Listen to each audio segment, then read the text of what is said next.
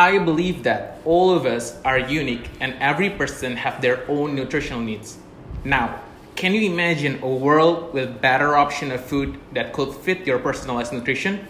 Good evening, everyone. I am Muhammad Rafiq Kamil from IPB University, and I would like to present my research on high protein and longer shelf life composite flour using Noda extrusion. Speaking of fulfilling personalized nutrition needs, the food industry has always adhered to mass production using the one size fits all concept where one food product is intended for many people. However, everyone has, the, has different nutritional needs which cannot always fulfilled by only one ready to eat product. This condition creates a problem gap between mass production and meeting the nutritional needs of many people. Therefore, the concept of personalized nutrition developed. Personalized nutrition is a concept that uses information about particular person or group such as age, health condition, gender, and economic condition to design a food product that fits that information or condition. This concept helps food industry players to produce food products that are more in line with the nutritional needs of many people. However, the question is what will be the difference between after and before the personalized nutrition applied? It is where the ingredients technology develops to support personalized nutrition concept. By increasing the choice of ingredients product, consumer can more easily adjust their food product to be processed according to their nutritional needs. The COVID-19 condition has also made consumers have a new habit of producing their food at home. And of course, they need ingredients product more than ready to eat products from, from mass production.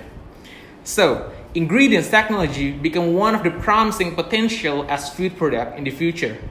And one of the most widely used ingredient product is maize flour. Maize flour has very wide use in producing food products such as bakery product. Even in East Africa, maize flour is the main ingredient for their staple food named ugali, a stiff porridge made from maize flour. However, use, however, most maize flour is produced from the hull and the germ maize because the germ from the maize has lipase enzyme that can stimulate the rancidity of flour products. If the flour rancid easily, it makes the flour has shorter shelf lifetime. But on the other hand, if we apply dehulling and the degerming process and on maize, it makes the nutritional content decrease compared to when we're producing maize flour from whole grain maize.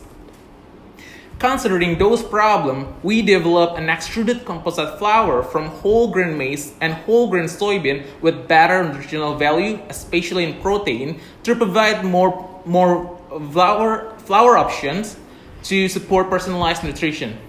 Soybean rose as the source of protein to help people who need more protein in their food. The extrusion process will stabilize the flour due to the inactivation of lipase enzyme in the maize germs. Our research was conducted in three main steps. The first step is preparation. In this step, we process the whole grain maize and whole grain soybean into composite flour. In the big picture, our process starts from sorting, washing, drying, milling, extruding, mixing, and finally we get the extruded composite flour, or we could mention it as ECF. For the record, our primary raw material are whole grain maize and whole grain soybean. That means we also use the germ of the maize and soybean to obtain the best nutritional value from the raw material.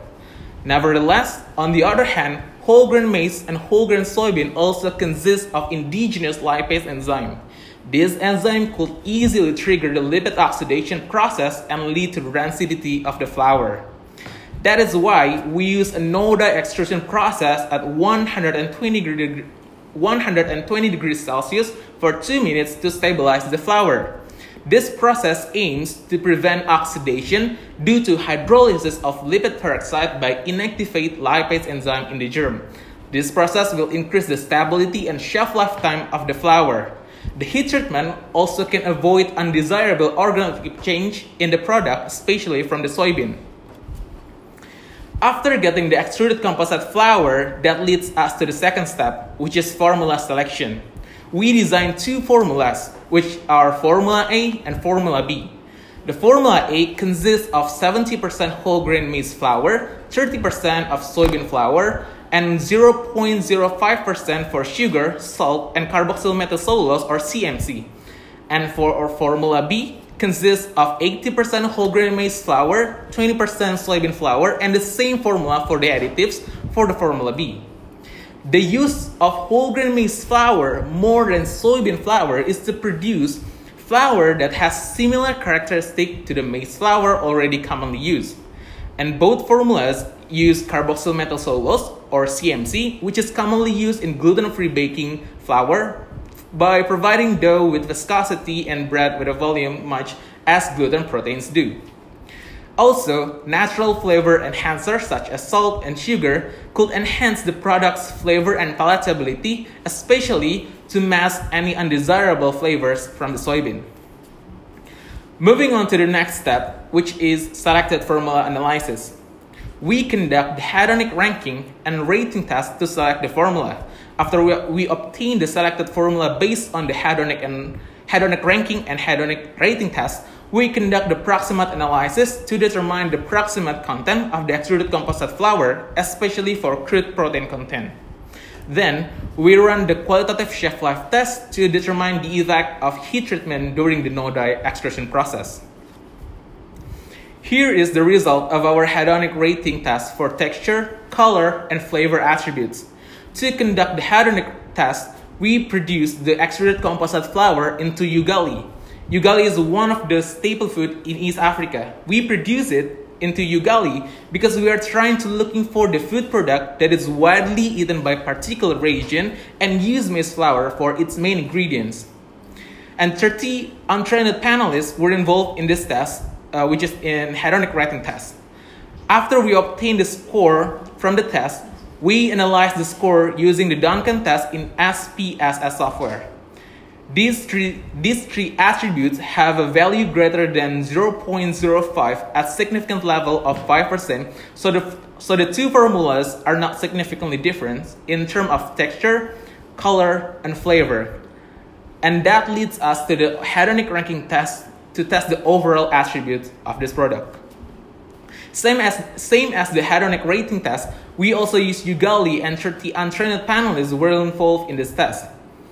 53.3% of the panelists chose Formula B for better overall attributes than Formula A. So the formula used for further analysis is B with 80% of whole grain maize and 20% of whole grain soybean. Then, the analysis of Formula B was continued with proximate analysis. At this stage, the aims is to determine the crude fat, crude protein, ash, water, and car- carbohydrate content in the selected formula, especially for the crude protein content of Formula B. Protein is our main focus because we want to see the effect of adding soybean flour to the protein content of Formula B. In addition, protein is also the primary nutrient that we want to highlight in the extruded composite flour product. And from the proximate analysis, we found that the protein content of extruded composite flour is 14 grams per 100 grams of the product. So let's we compare it with common maize flour. According to USDA, common, common maize flour has a protein content of 7 grams per 100 grams of product. Meanwhile, extruded composite flour consists of 14 grams of protein per 100 grams of product. So extruded composite flour has a higher protein content and it makes extruded composite flour into composite flour with characteristic like maize flour, but also can provide consumer with higher protein content. It also provide consumer with more varied maize flour option, especially for those who need more protein intake. For example, there is ugali, which is also we use we also use it for a sensory test. And making ugali with higher protein content can help fulfill the daily protein intake of people in East Africa, in East Africa who need a higher protein, con- protein intake. We also test the shelf life time by using a qualitative shelf life test.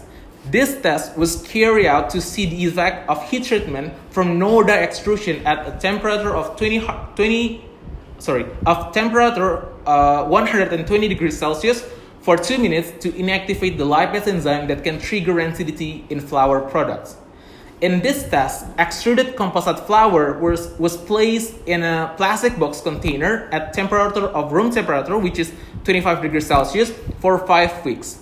The indicator tests were aroma, color, and clumpiness, and these three indicators were chosen because they can represent the quality of extruded composite flour, especially for aroma and color, which will undoubtedly change if the flour is rancid. And during five weeks of observation, no significant change were found in the extruded composite flour sample. And it indicates that the inactivation of lipase enzyme during the no dye extrusion process was successfully conducted. In summary, the selection of extruded composite flour is tested using hedonic test by making it into ugali. And the result of the hedonic ranking test of the two formulas show that the formula B with a ratio of 80% whole grain flour and 20% whole grain soybean was the most preferred formula by the, by the panelists. Formula B has a protein content of 14.5 14.05 gram per 100 gram of product, representing a higher protein content than similar product, which is only approximately 7 gram protein per 100 gram of product. Formula B also performed well in a qualitative shelf life test of 5 weeks, and it shows that the inactivation of lipase enzyme in the extrusion process was successfully conducted. In short, extruded composite flour is a high protein composite flour with a stable life and can become a potential composite flour to fulfill personalized nutrition needs. And last but not least, I believe that bringing the, this extruded composite flour to the society could provide various options of ingredients product. Then we could contribute to better personalized nutrition implementation and better life of humankind. Thank you.